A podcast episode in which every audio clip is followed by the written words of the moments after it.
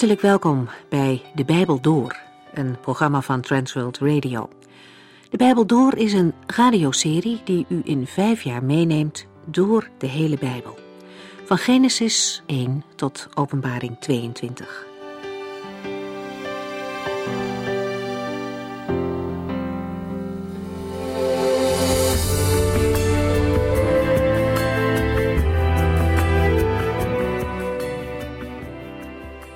Fijn dat u er weer bent.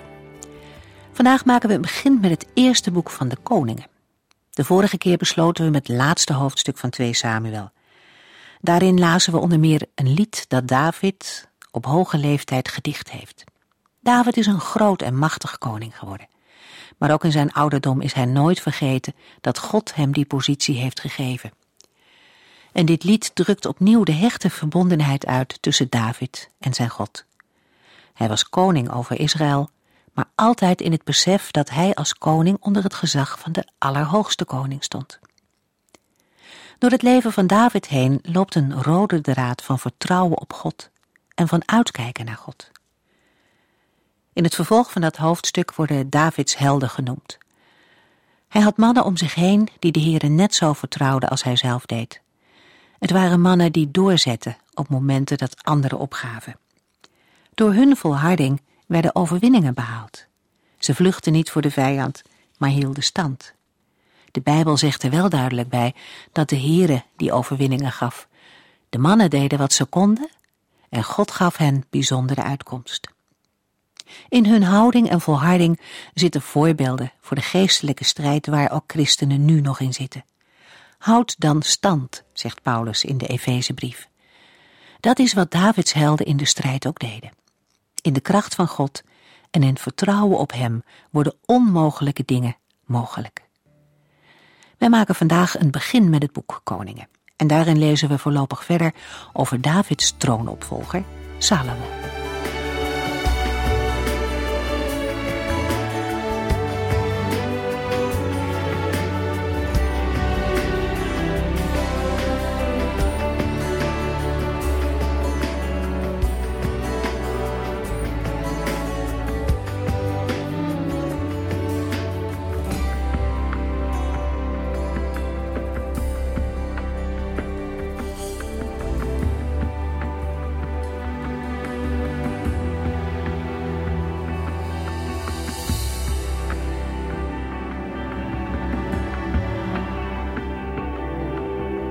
In de meeste uitgaven van de Bijbel zijn de boeken 1 en 2 Koningen aparte boeken.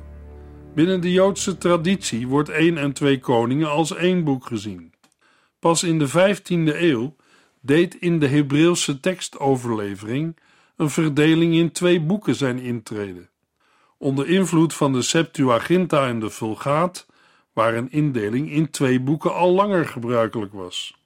Inderdaad vertonen de boeken Koningen in opbouw, boodschap en thematiek een duidelijke eenheid. Deze eenheid wordt extra onderstreept door de plaats waar de tekst van één koning ophoudt en die van twee koningen begint. 2 Koningen 1 vers 1 sluit zo naadloos aan op 1 Koningen 22 vers 54 dat het er sterk op lijkt dat de tekst van de boeken Koningen uitsluitend vanwege de lengte over twee boeken is verdeeld. De aanduiding koningen, die de boeken in het Nederlands gewoonlijk krijgen, is ontleend aan het eerste Hebreeuwse woord waarmee het Bijbelboek begint, dat inderdaad koningen betekent. De naam is een goede typering van de inhoud, aangezien de boeken heel de tijd van de koningen beslaan. Vanaf koning David tot aan de ondergang van het 2 en 10 stammenrijk een periode van in totaal zo'n 400 jaar. In de Septuaginta worden de boeken 1 en 2 Koningen samengenomen met de boeken 1 en 2 Samuel. In de Hebreeuwse kanon worden de boeken gerekend tot de eerste profeten, samen met Jozua, Richteren en Samuel. De christelijke traditie rekent koningen tot de historische boeken in navolging van de Septuaginta. Inhoudelijk ligt er een duidelijke relatie tussen 1 en 2 koningen en 1 en 2 kronieken, omdat beide betrekking hebben op dezelfde periode en vaak dezelfde gebeurtenissen beschrijven. Soms gebeurt dat in bewoordingen die sterk overeenkomen met woorden uit de Bijbelboeken Samuel en Kronieken. Aan de andere kant is er in andere hoofdstukken sprake van verschillen. Niet zelden omdat de boeken een ander accent leggen in de gebeurtenissen. Dit hangt ook samen met het gegeven dat Kronieken geschreven is in een latere periode. Bij de programma's van de Bijbel door gaan we uit van de veronderstelling dat 1 en 2 kronieken aanvullende gegevens bevatten en in de uitleg zal ik regelmatig naar kronieken verwijzen. Zoals ook de andere historische boeken van het Oude Testament is Koningen een anoniem werk. De Talmud schrijft het toe aan de profeet Jeremia. Bij deze uitzendingen zullen we de schrijver aanduiden als de auteur van Koningen of de Koningenschrijver. Deze auteur heeft bij het schrijven van de boeken Koningen gebruik gemaakt van oudere bronnen, maar we zijn zeer terughoudend in het aannemen van hypothesen over veronderstelde redactielagen. Hoewel we over de identiteit van de koningsschrijver in het duister tasten, kunnen we uit de tekst wel opmaken wanneer het boek geschreven moet zijn. De laatste gebeurtenis die in het boek genoemd wordt, vond plaats rond 560 voor Christus de vrijlating van Joachim in het eerste regeringsjaar van Ewil Merodach. Juda was toen al in ballingschap weggevoerd naar Babylonië. Aangezien de terugkeer uit ballingschap 538 voor Christus niet vermeld wordt, is het zeer waarschijnlijk dat 1 en 2 koningen tussen 560 en 538 voor Christus, dat wil zeggen tijdens de Babylonische ballingschap, geschreven zijn. Uit de tekst van 1 en 2 Koningen blijkt dat de auteur gebruik heeft gemaakt van verschillende bronnen. In ieder geval behoren de dagelijkse kronieken, die niet gelijk zijn aan het Bijbelboek Kronieken, van de koningen van Israël en Juda hiertoe, alsmede een boek met de handelingen van Salomo. Mogelijk gaat dit in alle drie de gevallen om door de staat bijgehouden annalen waarin van elke koning zijn troonsbestijging, militaire campagnes, bouwactiviteiten en andere belangrijke wapenfeiten of gebeurtenissen zijn vermeld. Ook andere volken in het oude nabije Oosten hielden dergelijke annalen bij. Andere bronnen worden in de tekst niet met name genoemd, maar vaak neemt men aan dat 1 Koningen 6 tot en met 8 grotendeels gebaseerd zijn op tempelarchieven. Dat de verhalen over Elia en Elisa eerder werden overgeleverd binnen de groepen van profeten. Daarnaast dat de veldslagen van Israël tegen de Arameërs in 1 Koningen 20 en 22 al eerder zelfstandig circuleerden en dat 2 Koningen 18 tot en met 20 bewerkt zijn uit een Jezaja-bron vanwege de gelijkenis met Jesaja 36 tot en met 39. Ook op verschillende andere plaatsen vinden we aanwijzingen dat de koningenschrijver bij het schrijven uit oudere bronnen heeft geput. Met betrekking tot de Hebreeuwse tekst moeten we ons realiseren dat het Hebreeuws in de hoofdstukken over de bouw van de tempel en het paleis van Salomo uitzonderlijk ingewikkeld is.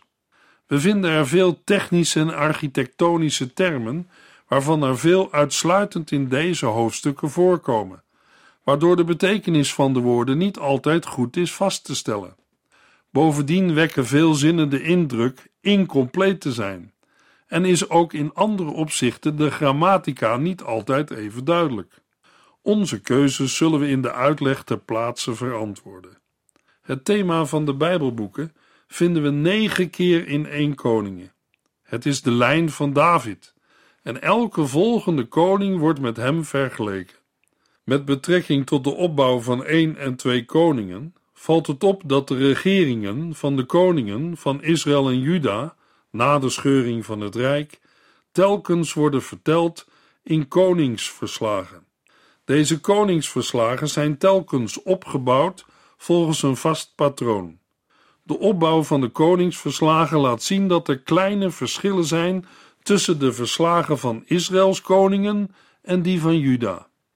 Bij Israëls koningen wordt de hoofdstad vermeld, wat zinvol is omdat het tienstammenrijk verschillende hoofdsteden heeft gekend. Bij Juda is een dergelijke vermelding niet nodig, omdat Jeruzalem altijd Juda's hoofdstad is geweest. Bij de koningen van Juda wordt telkens de naam van de moeder van de koning vermeld. Bij de koningen van Israël blijft die achterwege. Izebel is een uitzondering. Bij de koningen van Israël ontbreekt de vermelding van de dood, begrafenis en opvolging in het geval een koning is omgekomen als gevolg van een staatsgreep. Met betrekking tot het godsdienstig karakter van de koning valt op dat de koningen van Israël steeds vergeleken worden met Jerobiam, de eerste koning van Israël. Voor koningen van Juda is David de norm, al zijn er verschillende uitzonderingen op deze regel. Het godsdienstig karakter van de koningen van Israël wordt uitsluitend negatief beoordeeld. Bij de koningen van Juda verschilt dit. Tussen het begin en het slot van een koningsverslag worden in een aantal gevallen gebeurtenissen uit de regeringsperiode van de koning in kwestie verhaald, die in de ogen van de schrijver van belang zijn. In veel gevallen is dit redelijk beknopt, maar soms beslaan de gebeurtenissen meerdere hoofdstukken, zoals in het geval van Agab, Joram, Hiskia en Josia. In 1 en 2 Koningen lezen we dat Israël in twee rijken wordt verdeeld, door ontrouw tegenover de Here en verachting van zijn wetten. Het volk zakt steeds dieper weg, totdat het uiteindelijk in de ballingschap terechtkomt. De boodschap van de Bijbelboeken 1 en 2 Koningen is het voorhouden van een spiegel. Het weggesleepte, diep vernederde volk dat nu beseft dat het zijn land kwijt is, wordt een spiegel voorgehouden, opdat het zijn schuld erkent en zich verootmoedigt voor de Heere, en hij zijn volk kan terugbrengen naar de plaats die hij verkozen heeft als woonplaats. 1 Koningen 1 vers 1 Op zijn oude dag was koning David aan zijn bed gekluisterd. Maar onder hoeveel dekens hij ook sliep, altijd had hij het koud. Aan het begin van 1 Koningen is de vraag aan de orde wie koning David mag opvolgen en hoe dit wordt beslist. David en Saul zijn door een profeet tot koning gezalfd. Maar nu staat koning David zelf voor de moeilijke taak zijn opvolger aan te wijzen. David is een oude man geworden, de moedige herder, de psalmdichter die koning werd, die het leger aanvoerde, de man naar Gods hart, is in de avond van zijn leven. Zijn oude lichaam kan niet meer warm worden, hoe men hem ook met kleden toedekt. Hij is ongeveer 70 jaar oud. Zijn ouderdom wordt benoemd zoals bij Abraham en Jozua. De dekens zijn mantels of bovenkleden, die ook als beddengoed werden gebruikt. In vers 2 tot en met 4 stellen zijn dienaren voor om een jong meisje voor hem te zoeken, die hem kan verplegen en verzorgen. Ook kan ze het bed met de koning delen om hem zo te verwarmen. De dienaren zoeken in heel Israël en vinden een zeer mooi meisje, een Sunamitische ze heet Abisag. Ze wordt bij de koning gebracht en ze is hem van dienst. Maar de koning heeft geen gemeenschap met haar. 1 Koningen 1 vers 5 en 6 Ongeveer in diezelfde tijd besloot Adonia, de zoon van David en Gachit, zichzelf tot koning uit te roepen. Hij huurde rijtuigen en wagenmenners en zorgde voor vijftig mannen die als koninklijke voetknechten de straten voor hem vrijmaakten. Zijn vader, koning David, had hem zijn hele leven nooit eens goed onder handen genomen of de waarheid gezegd. Hij was bovendien een erg knappe jongeman en een jongere broer van Absalom. Adonia besluit om zichzelf tot koning uit te roepen en zorgt voor wagens en ruiters, een escorte van vijftig man. Een dergelijke optocht is niet ongebruikelijk voor bekleders van hoge posities die zo hun gezag tonen. Adonia lijkt een ideale kroonprins. Hij is nooit berispt door zijn vader David en is heel knap, net zoals Absalom. De zin lijkt een bewuste dubbelzinnigheid in zich te dragen. Betekent het dat Adonia een perfecte kroonprins is, omdat de koning hem nooit hoeft te berispen? Of heeft David eigenlijk weinig aandacht voor hem? David wordt hier vaderlijke zwakte verweten. Hij had hem zijn hele leven nooit eens goed onder handen genomen of de waarheid gezegd. Nu David oud is geworden, vindt Adonia de tijd gekomen om zichzelf tot koning uit te roepen. Onwillekeurig moet ik aan de woorden van de heiland denken uit Lucas 14, vers 11. Jezus is uitgenodigd om bij een vooraanstaande fariseer te komen eten. Het valt hem op dat de gasten allemaal op de beste plaatsen willen zitten. In dat verband zegt Jezus: Want ieder die zichzelf meer eer geeft dan hem toekomt, zal worden vernederd. En wie zichzelf heel gewoon vindt, zal eer ontvangen. Het laatste was niet van toepassing op Adonia.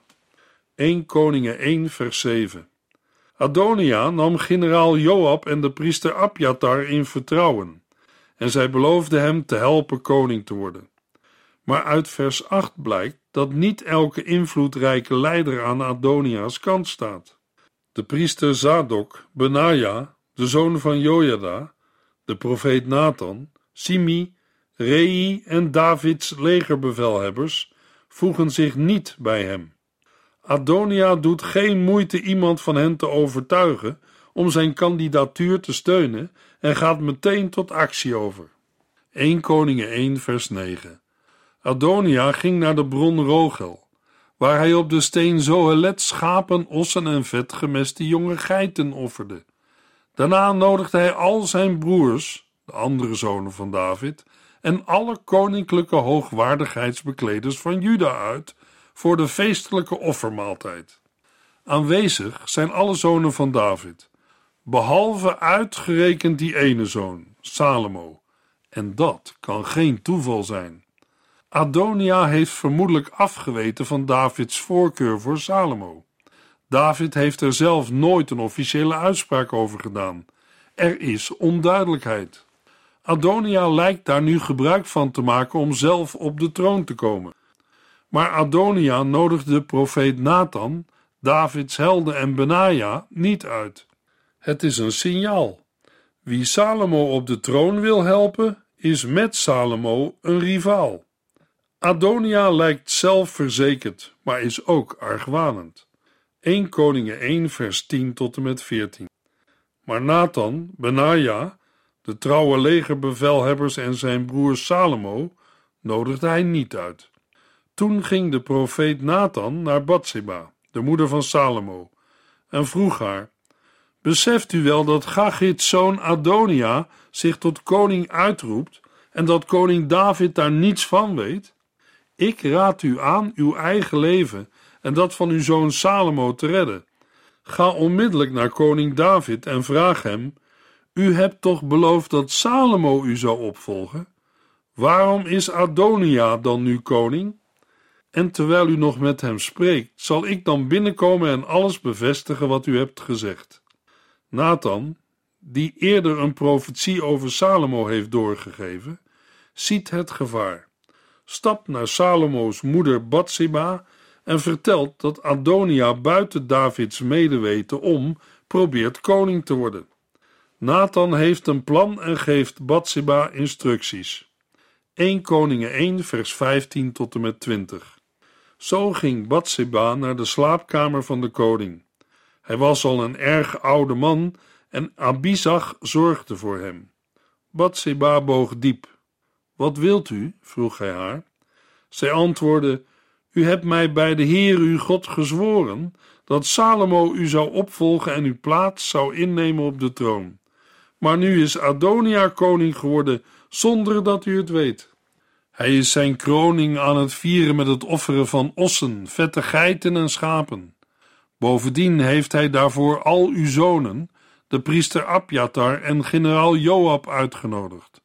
Maar Salomo is niet uitgenodigd. Nu wacht heel Israël op uw beslissing, wie door u is aangewezen als uw opvolger. Batseba gaat naar David en spreekt hem dringend aan. Zij vertelt hem wat er gaande is en wijst hem op zijn nationale verantwoordelijkheid. Op David zijn alle ogen in Israël gericht. Laat hij de troonopvolger aanwijzen. 1 Koningen 1, vers 21 tot en met 27. Als u niets doet, zullen mijn zoon Salomo en ik na uw overlijden worden beschuldigd van hoogverraad.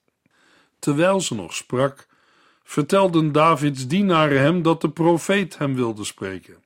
Nathan kwam binnen, boog diep voor de koning en vroeg: Koning, hebt u Adonia aangewezen als troonopvolger?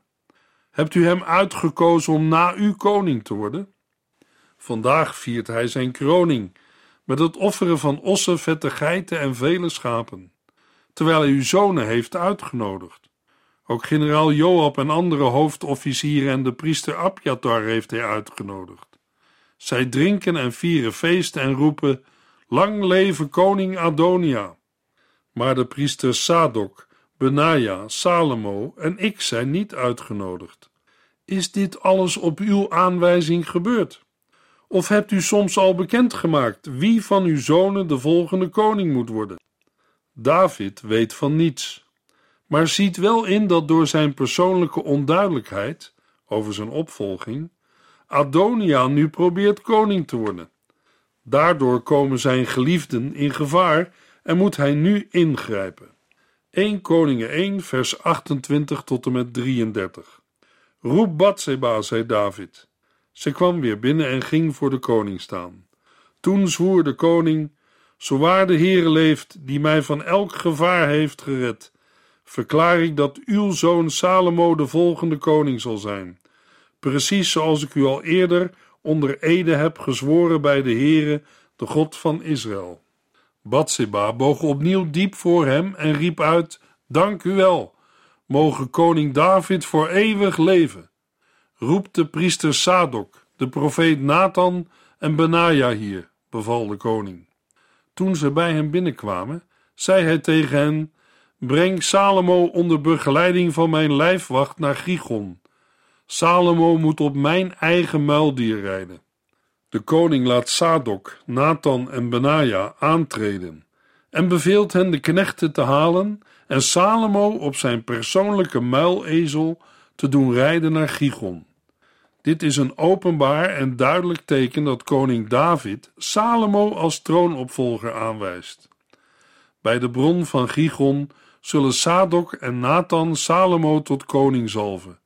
Dan moet de trompet of de ramshoorn klinken en Salomo worden uitgeroepen tot koning. Daarna moet het gezelschap terugkeren naar het paleis waar Salomo op Davids troon plaats zal nemen. 1 Koningen 1 vers 38 en 39 Daarop brachten de priester Sadok, de profeet Nathan, Benaja en Davids lijfwacht Salomo naar Gigon. Deze reed op Davids eigen muildier. Aangekomen in Gigon pakte Sadok een hoorn met heilige olie uit het heiligdom en goot die over Salomo uit. Daarna werd op de trompetten geblazen en riepen alle omstanders: Lang leven koning Salomo! Nu is het geen vraag meer wie David heeft uitgekozen om zijn opvolger te worden. Salomo is de volgende koning. 1 Koningen 1 vers 40 en 41 Vervolgens gingen zij allemaal met hem terug naar Jeruzalem. Onderweg werd de zalving van Salomo uitbundig met muziek gevierd. Adonia en zijn gasten hoorden het opgewonden geroep en het trompetgeschal, terwijl zij bijna met hun maaltijd gereed waren. Wat gebeurt daar allemaal? wilde Joab weten. Waarom heerst er zo'n opwinding in de stad? Op dat moment komt Abjatars zoon Jonathan binnen. Helaas voor Adonia moet Jonathan vertellen dat David Salomo tot koning heeft gemaakt. Ze zijn net teruggekeerd uit Gigon en nu viert de hele stad feest. Daar komt al dat lawaai vandaan. 1 Koningen 1 vers 46 tot en met 48 Salomo zit intussen al op de troon en alle mensen feliciteren koning David met de woorden Mogen God Salomo nog meer zegenen en mogen Salomo's bewind nog roemrijker worden dan het uwe. De koning ligt nog op zijn rustbed en buigt zich daar in aanbidding neer. Hij heeft gezegd: Gezegend zij de Heere, de God van Israël, die een van mijn zonen heeft uitgekozen om op mijn troon te zitten, terwijl ik nog leef en er getuige van kan zijn. In de laatste verse van 1 Koningen 1 lezen we hoe Adonia probeert zijn leven te redden. Aan koning Salomo werd gemeld: Adonia is bang voor u. Hij heeft een van de hoeken van het altaar vastgegrepen en uitgeroepen: Laat koning Salomo mij eerst zweren dat hij mij niet zal terechtstellen. Salomo zei: Als hij zich voortaan goed gedraagt, zal hem niets overkomen. Maar als hij dat niet doet, moet hij sterven. Salomo is edelmoedig tegenover Adonia. Toen hij voor de koning verscheen, boog Adonia diep voor hem neer. Salomo zei alleen tegen hem: Ga naar huis. Adonia onderwierp zich aan de nieuwe koning. 1 Koningen 2, vers 1 en 2. Toen koning David zijn einde voelde naderen, gaf hij zijn zoon Salomo de volgende opdracht: Ik ga nu de weg waarlangs ieder mens op aarde eens moet gaan. Gedraag je als een man en zorg ervoor een krachtig en waardig opvolger te zijn. Nu Davids einde nadert, geeft hij zijn laatste wilsbeschikkingen door aan Salomo, aan wie hij het koningschap definitief overdraagt. Deze overdracht legitimeert Salomo en geeft meteen het kader van Salomo's koningschap aan door de aanwijzingen van David. David gaat sterven en Salomo moet een sterke man zijn.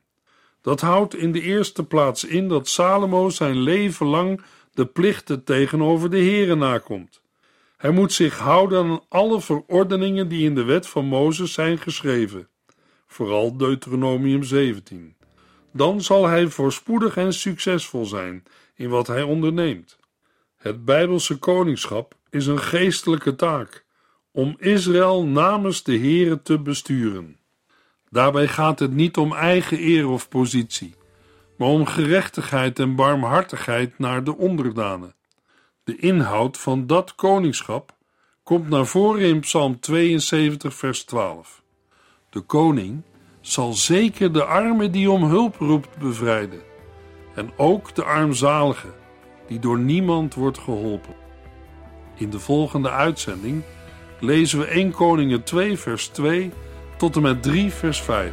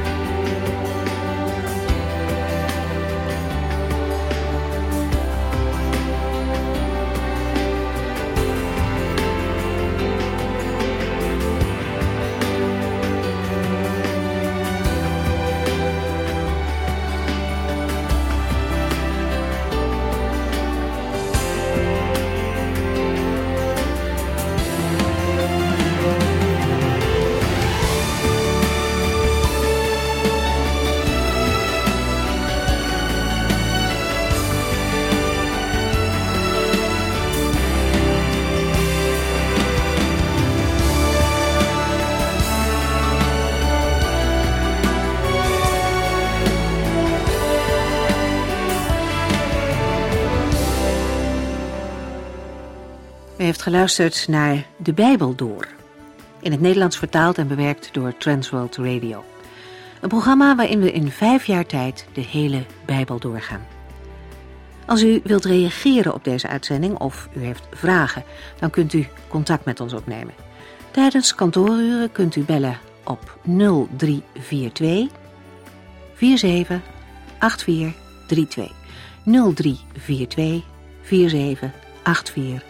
32. Ook kunt u een e-mail sturen naar de Bijbel door transworldradio.nl en natuurlijk kunt u ook via de post ons bereiken. TWR, postbus 371, postcode 3770, AJ in Barneveld. Dit programma werd gepresenteerd door Cor Weda en Ike André. Techniek was in handen van Odin van Woerdekom. En wij allemaal bedanken u voor het luisteren. Graag tot de volgende keer.